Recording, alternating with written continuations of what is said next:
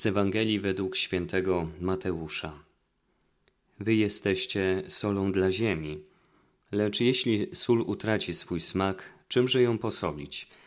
Na nic się już nie przyda, chyba na wyrzucenie i podeptanie przez ludzi. Wy jesteście światłem świata. Nie może się ukryć miasto położone na górze. Nie zapala się też światła i nie stawia pod korcem, ale na świeczniku, aby świeciło wszystkim, którzy są w domu. Tak niech świeci wasze światło przed ludźmi, aby widzieli wasze dobre uczynki i chwalili Ojca waszego, który jest w niebie. Pan Jezus, mówiąc do nas jako uczniów, podaje nam komplementy, że to my jesteśmy solą dla ziemi, my jesteśmy światłem świata, jesteśmy miastem położonym na górze, my jesteśmy uczniami Jezusa. Kochani słuchacze, zapraszam Was do wysłuchania katechezy podsumowującej cykl Wy jesteście solą dla ziemi, w jaki sposób ożywić wiarę w parafii. Przy mikrofonie ksiądz Łukasz Tlauka. Mianowicie nasze kolejne katechezy w czerwcu będą wywiadami z gośćmi, którzy pomogą nam jeszcze dotknąć tematyki ożywienia wiary w parafii. Natomiast dzisiaj chciałbym dokonać pewnego podsumowania tego tematu, który dotykaliśmy przez ostatnie kilkanaście miesięcy. Ten czas, który przeżywamy, jest też czasem wyjątkowym. Przeżywamy stan epidemiczny. Jest to trudny czas dla nas wszystkich, ze względu na różne ograniczenia społeczne, także te, które dotknęły naszą wspólnotę, wspólnotę parafialną, też cały Kościół powszechny. Na pewno doszło do pewnych zmian. Te zmiany dotknęły także Kościół. Pewne formy roztrzaskały się. Jednak sądzę, że jest to szansa dla nas wszystkich, aby jeszcze bardziej przyciągać siebie i innych do Jezusa. Jest to niesamowity czas, który daje nam Pan, Pan, który daje nam czas na refleksję, na to, żebyśmy siebie nawrócili, nawrócili do naszego Zbawiciela i Pana i przyciągali innych do Niego. W naszych rozważaniach dotykaliśmy tematu nowej ewangelizacji. Papież Paweł VI w dokumencie o ewangelizacji w świecie współczesnym tak mówi. Jezus ewangelizuje poprzez swoje wcielenie, cuda i nauczanie, zgromadzenie uczniów, posłanie apostołów, jego ukrzyżowanie i zmartwychwstanie oraz jego nieustanną obecność we wspólnocie chrześcijańskiej.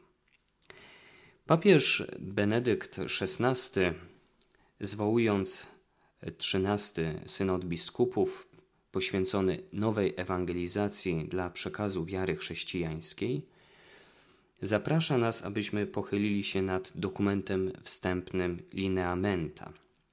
Czytamy w nim. Nie chodzi tu o ponowne wykonanie czegoś, co zostało źle zrobione lub się nie sprawdziło, tak jakby nowe działanie było osądzeniem poprzedniego, stwierdzeniem jego niepowodzenia. Nowa ewangelizacja nie ma być kopią pierwszej. Nie chodzi tu jedynie o powtórkę, lecz o odwagę próbowania nowych dróg w obliczu nowych okoliczności, których Kościół ma głosić dzisiaj Ewangelię. Zatem nowa ewangelizacja to głoszenie tej samej niezmiennej Ewangelii, ale w nowy sposób. Nowa ewangelizacja to poszukiwanie nowych sposobów na głoszenie tej samej Ewangelii. Żeby dokonywała się nowa ewangelizacja w naszych wspólnotach parafialnych, jest potrzeba nawrócenia pastoralnego. To nawrócenie pastoralne polega na weryfikacji tego, co dzieje się w danych wspólnotach parafialnych, odkryciu to, co jest naszym skarbem, jak również dostrzeżenia tego, co już nie jest aktualne i w końcu szukanie nowych sposobów na głoszenie tej samej Ewangelii, dobrej nowiny o Jezusie Chrystusie. Pan Jezus zaprasza nas, abyśmy byli Jego uczniami, misjonarzami. Sherry Weddell w swojej książce Bądź uczniem Jezusa podaje pięć progów stawania się uczniem, misjonarzem Jezusa. Pierwszy etap to zaufanie. Związany jest z czymś lub kimś dotyczącym Jezusa i Kościoła. Nie można ewangelizować tych, których się nie miłuje. Na tym etapie zaufania chodzi o to, że ktoś w jakiś sposób zaczyna interesować się Jezusem i Kościołem. Drugi etap stawania się uczniem to ciekawość. Ciekawość, która dotyczy osoby Jezusa. Mianowicie odkrywania tego, że Bóg to nie jakaś idea, ale Bóg osobowy, który zaprasza nas do relacji. Na tym etapie możemy wyróżnić trzy rodzaje ciekawości. Po pierwsze, świadomość, czyli wiem, kim jest Jezus, kim jest Bóg. Następnie ważne jest zaangażowanie. Taka osoba zaczyna czytać, czytać więcej o, o Panu Bogu, o tym, co to jest Kościół, o relacji z Nim. I w końcu trzeci etap ciekawości to wymiana. Chcę więcej, chcę coraz więcej poznawać. Jezus zadaje pytanie na postawione przez Niego, przez innych pytanie. Co chcesz, abym Ci uczynił? A Wy za kogo mnie uważacie? Nie trzeba tutaj wszystkiego wyjaśniać. Chodzi o to, że człowiek zaczyna wchodzić w tajemnicę. Czyli pierwszy próg stawania się uczniem i misjonarzem Jezusa to zaufanie. Zaczynamy od dobrych relacji. Drugi próg to ciekawość. Zaczynam się interesować Bogiem i Kościołem. Trzeci etap stawania się uczniem, misjonarzem Jezusa to otwartość. Człowiek na tym etapie zaczyna opowiadać o sobie, zaczyna dzielić się swoim życiem, także swoimi potrzebami duchowymi. Progi od pierwszego do trzeciego, czyli zaufanie, ciekawość i otwartość, są etapami biernymi w stawaniu się uczniem Jezusa. Dopiero czwarty i piąty próg to strefa aktywności. Zatem czwarty próg stawania się uczniem Jezusa to poszukiwanie. Sherry Weddell określa to jako randki z określonym zamiarem. Taki człowiek chce i rozważa podjęcie e, stania się uczniem Jezusa. Chce się bardziej zaangażować, podejmować kolejne próby stawania się uczniem. I tutaj znaczenie ma adoracja Najświętszego Sakramentu, która nie musi być wyłącznie dla wierzących ale także może otwierać serca osób, które wątpią albo są daleko od Boga. Czyli czwarty etap to poszukiwanie, i w końcu piąty etap to bycie świadomym uczniem. Na tym etapie człowiek podejmuje konkretne decyzje, następnie jest otwarty na działanie Ducha Świętego. W końcu zaczyna przyciągać innych do Jezusa, porzuca sieci i idzie za Jezusem. W końcu odkrył skarb. Kiedy stajemy się uczniami, misjonarzami Jezusa, zaczynamy owocować. Z Ewangelii według świętego Jana, rozdziału 15. Ojciec mój przez to dozna chwały, że owoc obfity przyniesiecie i staniecie się moimi uczniami. Jezus zaprasza nas do tego, abyśmy owocowali. Greckie słowo charizma, czyli charyzmat, oznacza hojny dar. My otrzymujemy dary podstawowe. Nie są nimi łaska uświęcająca, wiara, nadzieja i miłość. Święty Tomasz z Akwinu rozróżnia łaskę uświęcającą, gracja gratum faciens, która jest niezbędna do zbawienia, oraz tak zwana łaska darmowa, gratia gratis data.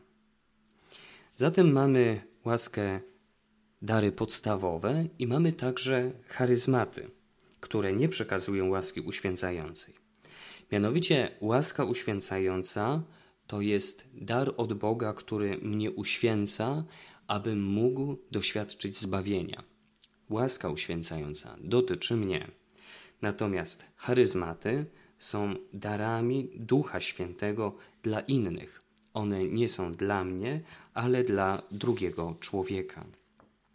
Jeżeli stajemy się uczniami misjonarzami Jezusa, to po pewnym czasie możemy doświadczyć, jak Duch Święty rozpala w nas charyzmaty, które otrzymaliśmy na Chrzcie Świętym.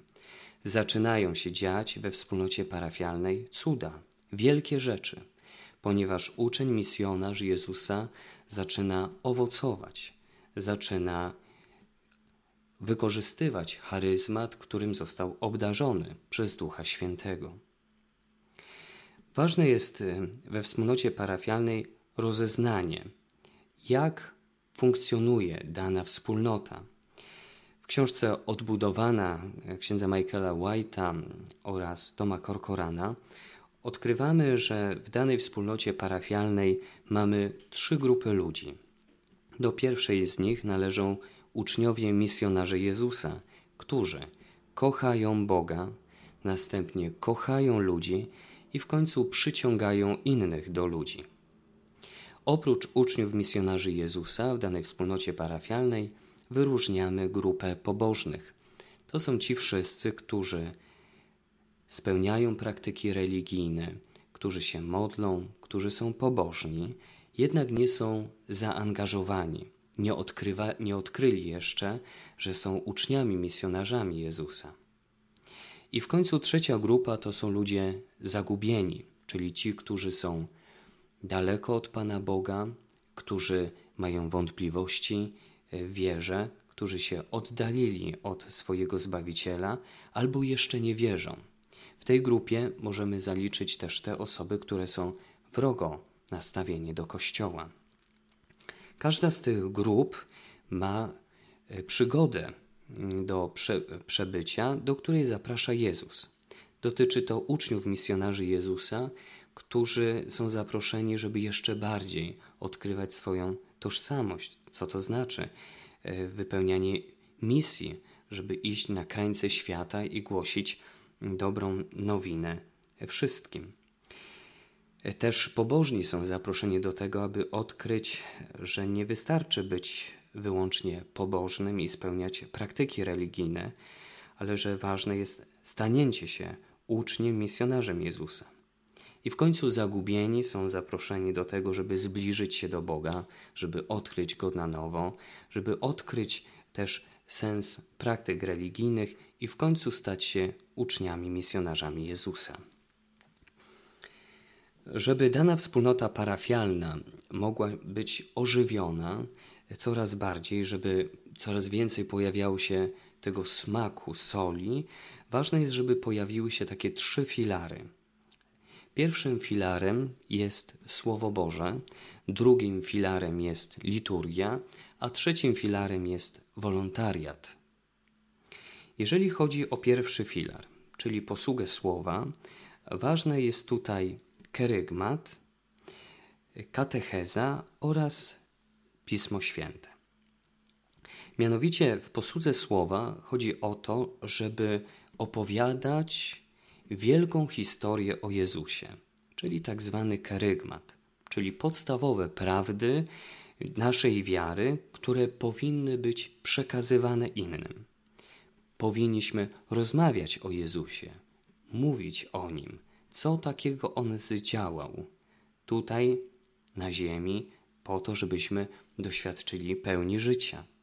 Czyli w posłudze słowa ważna jest opowieść o wielkiej historii Jezusa. Kolejny element posługi słowa to efektywna katecheza. Słowo katecheo z języka greckiego oznacza wywoływać echo. Czyli nie chodzi o wyłącznie taką katechezę, gdzie tylko mówimy, ale zapraszamy słuchaczy do reakcji, do odpowiedzi, do wywoływania echa. Jest ten, który wywołuje echo i ci, którzy odpowiadają. Oprócz wielkiej historii o Jezusie i efektywnej katechezie, ważne jest też zakochanie się w Piśmie Świętym, zakochanie się w Słowie Bożym, że Pan Bóg dzisiaj do mnie może mówić przez Słowo Boże. On jest tym, który może poruszyć moje serce tym słowem, swoim słowem, słowem, które stało się ciałem.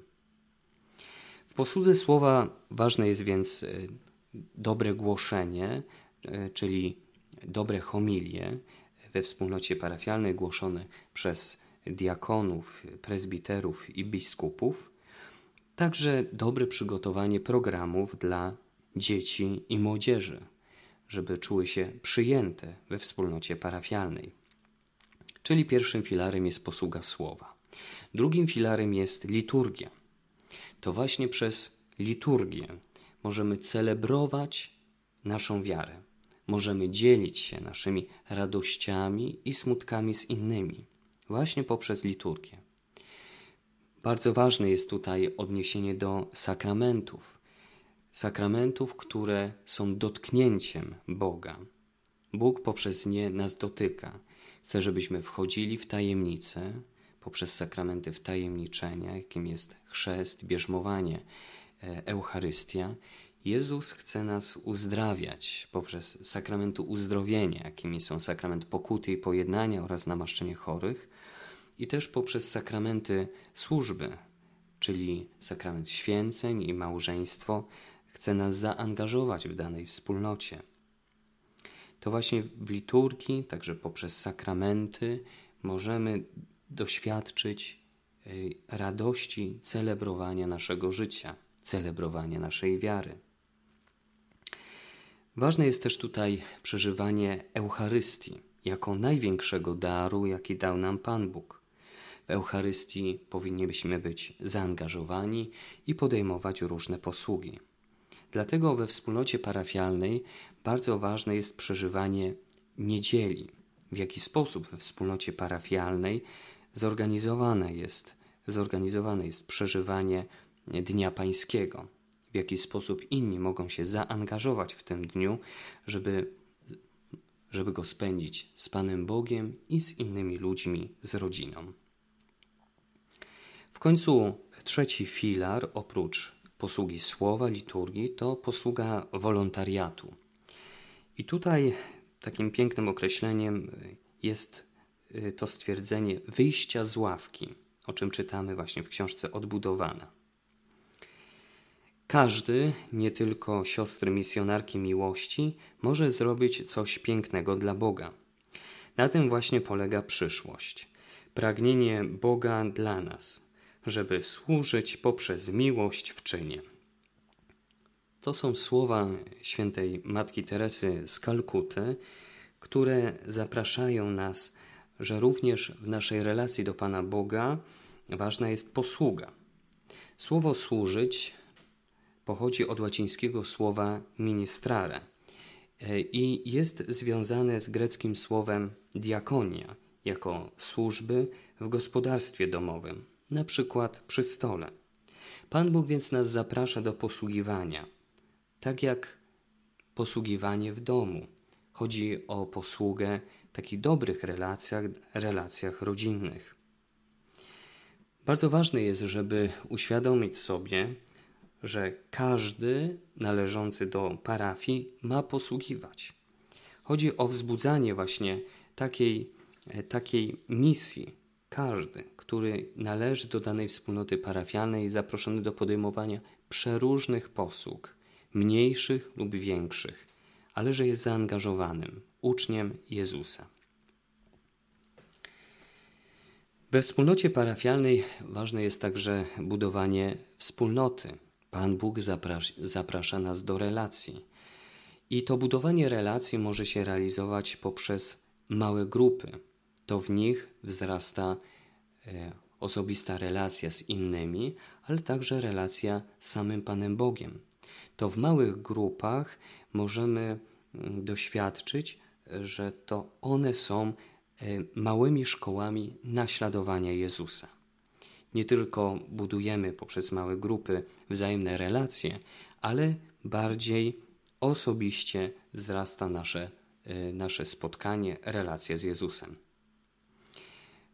W, w budowaniu wspólnoty w parafii ważne jest odkrywanie swojej tożsamości jako odnowicieli, że każdy z nas poprzez powołanie przez Boga zaproszeni jesteśmy do odnawiania naszych wspólnot parafialnych. To my jesteśmy odnowicielami. E, I dlatego też we wspólnocie parafialnej e, istotne jest świętowanie, dzielenie się radościami, sukcesami, które pojawiają się w danej wspólnocie parafialnej. Ktoś się nawraca, ktoś zostaje ochrzczony, e, ktoś zaangażował się w konkretną posługę. Ważne jest świętowanie, dzielenie się radościami, sukcesami. Też ważne jest odkrywanie, w jaki sposób zaangażowani są pracownicy danej wspólnoty parafialnej, w jaki sposób odkrywana jest tożsamość przywództwa, przyciągania innych do Jezusa. Warto też we wspólnotach parafialnych poruszać temat finansów i podkreślać przede wszystkim wymiar duchowy, jak i praktyczny podejścia do nich. Mianowicie, jak czytamy w księdze Malachiasza, jeżeli będziemy dawać Panu Bogu dziesięcinę, to Pan Bóg będzie nam błogosławił, to znaczy będzie nas obdarzał szczęściem. Warto więc podkreślać wymiar duchowy e, finansów we wspólnocie parafialnej. To, że ja daję coś od siebie, to równocześnie oddaję w ten sposób chwałę Panu Bogu. Żeby przyciągać innych do Jezusa, e, warto korzystać z różnych form komunikacji. Ważne miejsce zajmuje tutaj na przykład strona internetowa, korzystanie z mediów społecznościowych. Kochani słuchacze, bardzo dziękuję Wam za uwagę, za wsłuchanie się w tę katechezę podsumowującą nasz cykl Wy jesteście solą dla ziemi, w jaki sposób ożywić wiarę w parafii. E, przyznaję, że e, te katechezy e, pomogły mi jeszcze bardziej pokochać Jezusa i pokochać Kościół, który On założył. Życzę więc sobie i każdemu z Was, żebyśmy byli solą. Solą, która daje smak innym, solą, która konserwuje, żeby zachować świeżość. I że możemy być taką solą, kiedy mamy piękną relację z Jezusem kiedy angażujemy się i to właśnie my ożywiamy nasze wspólnoty parafialne. Szczęść Boże.